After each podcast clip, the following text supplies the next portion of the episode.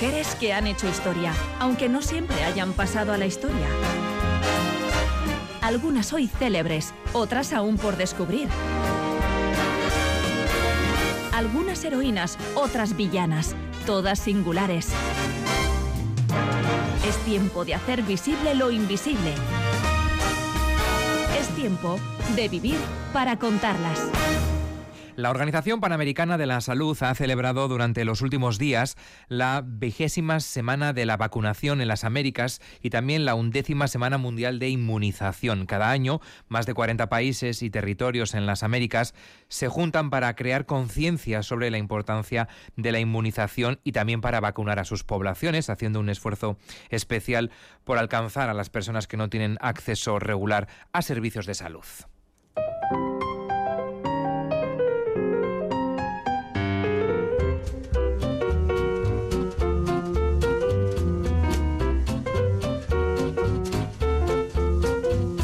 Desde el año 2002, la Semana de la Vacunación en las Américas ha logrado que más de mil millones de personas sean vacunadas contra un rango importante de enfermedades. Por su parte, la Semana Mundial de la Inmunización tiene por objetivo promover la vacunación para proteger contra las enfermedades a personas de todas las edades. Edurne Vaz, ¿qué tal? Hola. Hola, bien. Y hoy más que nunca vamos a hacer justicia con la mujer de la que vamos a hablar hoy. ¿eh? Y ya van a entender por qué. Sí, está presente, digamos, en nuestro contexto actual, pero no llegamos a conocer como deberíamos los detalles sobre su vida y sobre todo sobre su legado. La campaña de esta edición a la que aludías de vacunación y de inmunización rinde homenaje a los y las artífices de la vacunación en todo el mundo, desde los progenitores hasta los trabajadores de la salud, pasando por supuesto por las y los investigadores. Nos ha parecido una oportunidad perfecta para hablar de una injustamente desconocida mujer cuyo nombre, como adelantábamos, escuchamos con frecuencia desde que estalló la pandemia mundial de COVID-19. Hoy, en Vivir para Contarlas, recordamos a Isabel Zendal, considerada por la Organización Mundial de la Salud la primera enfermera de la historia en misión internacional, una de las protagonistas de la épica expedición que entre 1803 y 1812 consiguió llevar la vacuna de la viruela a América y a Asia, dando así un primer y crucial paso hacia la erradicación de esta mortífera enfermedad en el mundo. Y en paralelo, por supuesto, recordamos también a los niños cuyos cuerpos fueron convertidos en receptáculos vivos para esa vacuna.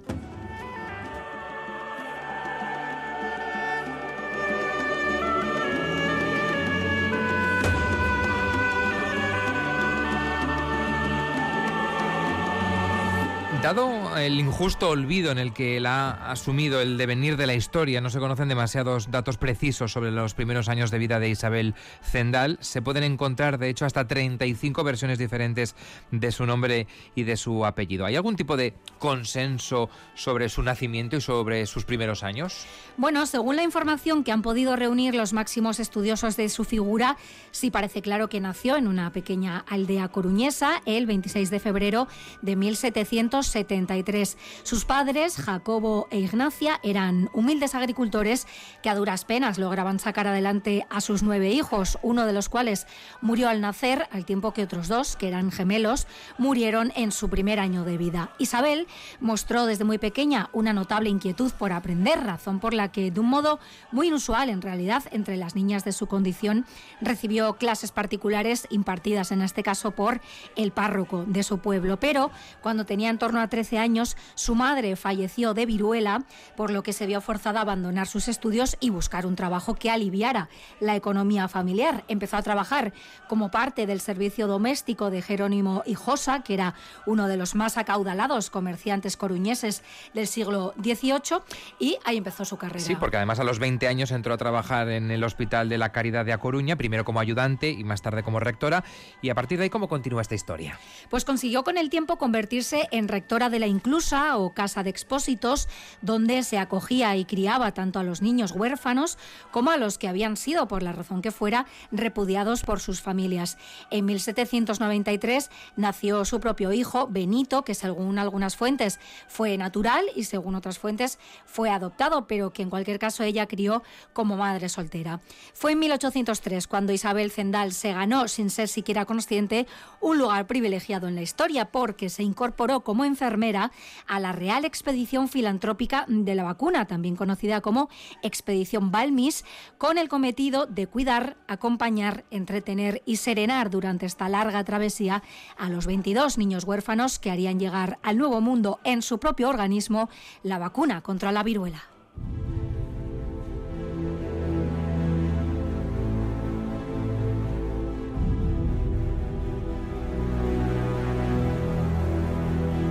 Nos ponemos en contexto. Durante el siglo XVIII y principios del XIX, Europa estaba sufriendo un agresivo brote de viruela que presentaba una mortalidad particularmente elevada y que, por supuesto, también había causado y seguía causando verdaderos estragos en las colonias de ultramar del Imperio Español. Todo esto derivó en una crisis demográfica y más tarde también en una crisis económica importante.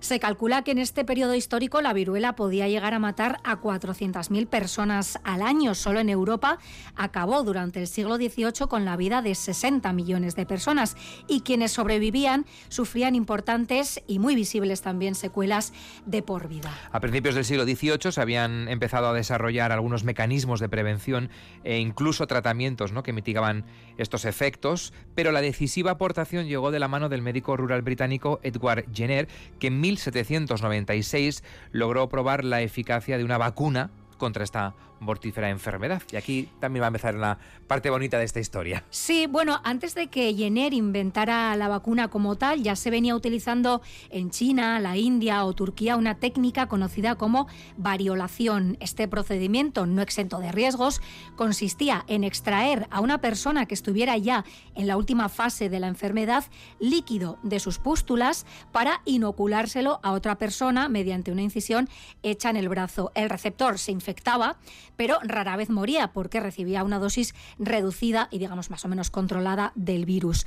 Me parece importante señalar que la responsable de dar a conocer esta técnica en Europa fue Lady Montagu, esposa del embajador británico en Constantinopla, quien, haciendo frente a los prejuicios existentes, hizo variolizar a sus propios hijos para protegerlos de la viruela, pero ella, qué sorpresa, se topó con un gremio médico que no le prestó ni la más mínima atención. Algo más de suerte tuvo Edward Jenner él observó que las ordeñadoras de vacas lecheras, por el contacto continuado que tenían con estos animales, adquirían ocasionalmente una viruela bovina, que era una variante leve de la mortífera viruela humana, contra la que en todo caso sí quedaban inmunizadas. Adaptando la antigua técnica de la variolación, extrajo el líquido de las pústulas de la ubre de una vaca enferma y se lo inoculó a James Phillips, que era un niño de 8 años y que era el hijo de su jardinero, pobrecito mío. ¿Y cuál fue el resultado de de, este experimento en el niño? Pues eh, el pequeño manifestó síntomas, pero fueron leves y unos días después Jenner volvió a pinchar varias veces a este pobre crío que hay que decir que ya ni siquiera llegó a enfermar, quedó por lo tanto inmunizado.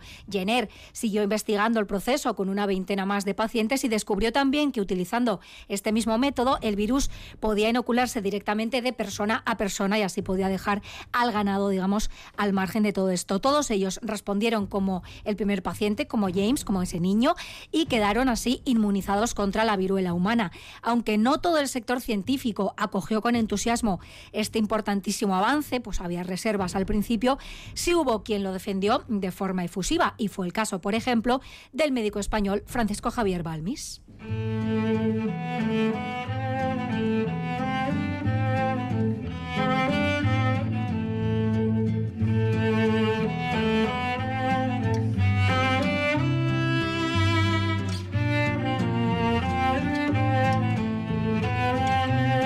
Esa vacuna, desarrollada por Edward Jenner, llegó a España en 1800 y al año siguiente se llevaron a cabo las primeras vacunaciones exitosas en Madrid. En la corte, el médico personal del rey, Francisco Javier Balmis, fue como apuntábamos uno de los mayores defensores de este método de inmunización desarrollado por Jenner. ¿Qué papel jugó el médico real? Pues uno muy importante, porque él expuso al monarca un proyecto para extender la vacunación por los territorios de la corona en todo el mundo y bueno, eso se materializó en lo que hoy conocemos como la Real Expedición Filantrópica de la Vacuna. La travesía transatlántica iba a ser larga y esto, claro, mm, presentaba un primer e importantísimo inconveniente y era el mantenimiento de la muestra a la temperatura adecuada para su conservación. La solución que se le ocurrió a Balmis fue la que hoy conocemos, recurrir a niños sanos como recipientes vivos de esa vacuna. Embarcaría con él a un grupo de personas no vacunadas, a dos de estas se les inocularía el virus y serían separadas del resto. Hacia el final del proceso patológico se les extraería líquido de las pústulas destinado a las siguientes dos personas y así sucesivamente hasta llegar a Sudamérica en esa cadena humana de contagio para mantener viva, pues digamos, la muestra, ¿no? Mantener vivo ese virus. Así lo narraba en su momento también la Gaceta de Madrid. Son varios los facultativos comisionados y llevan 22 niños que siendo sucesivamente inoculados brazo a brazo en el curso de la navegación, conservarán el fluido vacuno vivo y sin alteración. No se buscaron, por supuesto, voluntarios para esta cadena humana.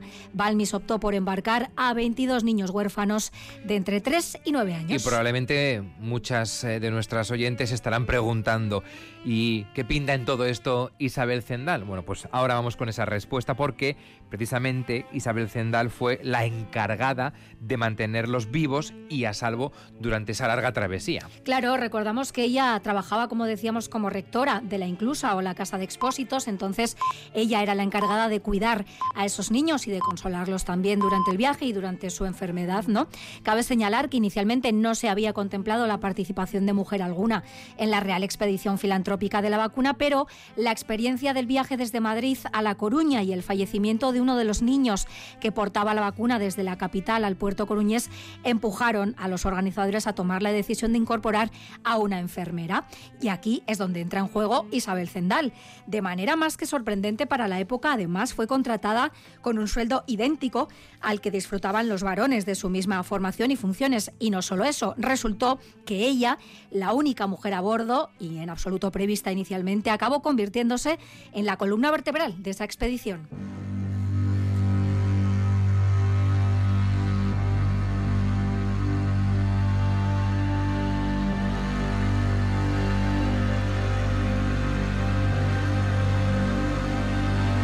Con el fin no solo de llevar la vacuna a los territorios españoles de ultramar, sino también de crear comisiones de vacunación en los lugares de destino, el 30 de noviembre de 1803 zarpó desde el puerto de A Coruña la primera expedición sanitaria internacional de la historia, financiada por el rey Carlos IV, cuya hija, por cierto, la infanta María Teresa, había fallecido víctima de la viruela. ¿Cómo fue esa expedición? Con 37 personas a bordo, la corbeta María Pita, dirigida por Francisco Javier Balmis, emprendió un viaje que acabaría alcanzando América, China y Filipinas con el objetivo de inmunizar a miles de personas contra esta mortífera enfermedad. Isabel Zendal dejó su puesto como rectora en la Casa de Expósitos de A Coruña para hacerse cargo, como decíamos, de esos 22 niños que portaron en sus propios cuerpos la vacuna y que provenían de la Casa de Desamparados de Madrid, del Hospital de la Caridad de A Coruña y también del de Santiago. El grupo lo completaba además Benito, el propio hijo de Isabel Zendal. Al llegar a América, la expedición llevó la vacuna a la ruta del Caribe, Puerto Rico, Cuba, México y a continuación la expedición se dividió en dos. El grupo liderado por Balmis partió junto a Isabel Zendal, su hijo Benito y otros 26 niños, en este caso mexicanos, hacia Filipinas, Macao y Cantón. Y de la labor de Isabel Zendal en esta segunda etapa de la misión, escribió el propio Francisco Javier Balmis. ¿Qué, qué dijo exactamente? ¿O qué escribió? Pues toda la documentación que hay al respecto la conforman halagos al trabajo de Isabel Zendal porque mantuvo vivos a esos niños y bien cuidados y eso resultó crucial para el éxito de la misión. Él escribía, con el excesivo trabajo y rigor de los diferentes climas que hemos recorrido, perdió enteramente la salud. Infatigable noche y día ha derramado todas las ternuras de la más sensible madre sobre los 26 angelitos que tiene a su cuidado, del mismo modo que lo hizo desde A Coruña y en todos los viajes, y los ha asistido enteramente en sus continuadas enfermedades. Un segundo grupo, liderado por el también médico José Salvani, puso rumbo a Latinoamérica en esa doble vertiente que adoptó la expedición a partir de ese punto este segundo grupo recorrió Venezuela, Colombia, Bolivia, Perú y Chile. La Real Expedición Filantrópica de la Vacuna está considerada una de las mayores hazañas médicas, la primera misión humanitaria de la historia y la primera campaña de vacunación masiva, que logró además asentar la vacuna en los territorios visitados, formando a la población local en la administración de la misma a través de las juntas de vacunación, que eran instituciones que se fundaron en cada uno de los territorios a los que se llevó la vacuna. Se estima que la Real Expedición Filantrópica de la Vacuna logró vacunar a más de un millón de personas.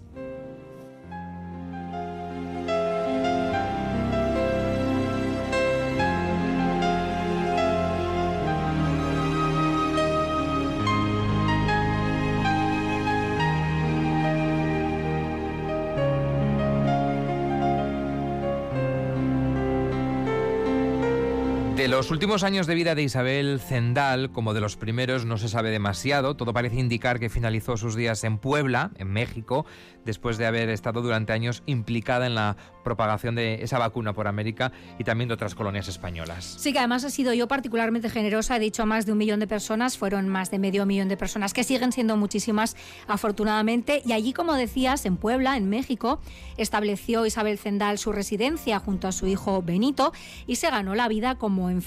Nunca regresó a España, como tampoco lo hicieron los niños gallegos que iniciaron con ella esta larga y épica travesía. Así se quedaron todos allí y allí desarrollaron también sus respectivas vidas. Una historia de esas características ha dado, como supondréis, eh, para novelas, documentales y películas. ¿Podemos destacar alguna de ellas? Bueno, podemos hablar, por ejemplo, de títulos como Ángeles Custodios, de la escritora madrileña Almudena de Arteaga, Los héroes olvidados, del escritor Antonio Villanueva, Los niños de la vacuna de Javier Neveo, A Flor de Piel de Javier Moro, Los niños de la viruela de María Solar o el cómic Nuevo Mundo, Isabel Zendal en la expedición de la vacuna de El Primo Ramón. Televisión Española también estrenó asimismo en 2016 una película que llevó por título 22 Ángeles y que estuvo dirigida por Miguel Bardem. No he leído prácticamente ninguno de estos libros, solamente A Flor de Piel de Javier Moro y la recomiendo encarecidamente. ¿eh? Él es un muy buen escritor y cuenta muy bien esta parte de la historia de Isabel Zendal, así que desde aquí hago esa eh, recomendación. Bueno, decíamos que Isabel Zendal fue, y así lo reconoció la propia Organización Mundial de la Salud en 1950, la primera enfermera de la historia en una misión internacional. Sí, además su labor en la erradicación de la que el médico Timoteo O'Scanlan definió como una guadaña venenosa que ciega sin distinción de clima, rango ni edad, resultó determinante. La viruela fue declarada oficialmente erradicada por la Organización Mundial de la Salud en 1980, que en términos históricos es ayer por la mañana, convirtiéndose además en la primera enfermedad eliminada a escala mundial. Está considerada hasta hoy la enfermedad vírica más mortífera de la historia de la humanidad. Sus estragos entre los aborígenes de la América de los siglos XVI y XVII fueron descomunales durante el proceso de la conquista. Más tarde llegó incluso a ser utilizada como arma biológica para la colonización de los territorios del norte y pese a su impagable aportación a la historia, el nombre de Isabel Zendal permaneció en el más absoluto olvido hasta que la inauguración del controvertido hospital madrileño que lleva su nombre pues volvió a ponerlo sobre la palestra y volvió a poner el foco sobre su figura. Idéntico reconocimiento merecen por supuesto los niños que expusieron sus organismos o cuyos organismos fueron puestos, digamos, al servicio de la humanidad expuestos a una enfermedad potencialmente mortal y también a una durísima travesía marítima que no todos los adultos aguantaban también. Una decisión sin duda temeraria y por supuesto éticamente cuestionable que tuvo, no obstante, un impacto incalculablemente positivo sobre la salud mundial. Se trató de una de las mayores gestas sanitarias de la historia, la mayor empresa de sanidad pública de la historia, en palabras del propio Edward Jenner, descubridor de la vacuna contra la viruela, que llegó a afirmar sobre esta épica expedición. No puedo imaginar que en los anales de la historia se proporcione un ejemplo de filantropía más noble y más amplio que este. A los integrantes de aquella expedición y hoy de forma especial a Isabel Zendal y sus pequeños ángeles les encaja de maravilla el lema elegido precisamente por la Escuela de Enfermería de Puebla, en México, que dice, sacrificio sin esperar gloria.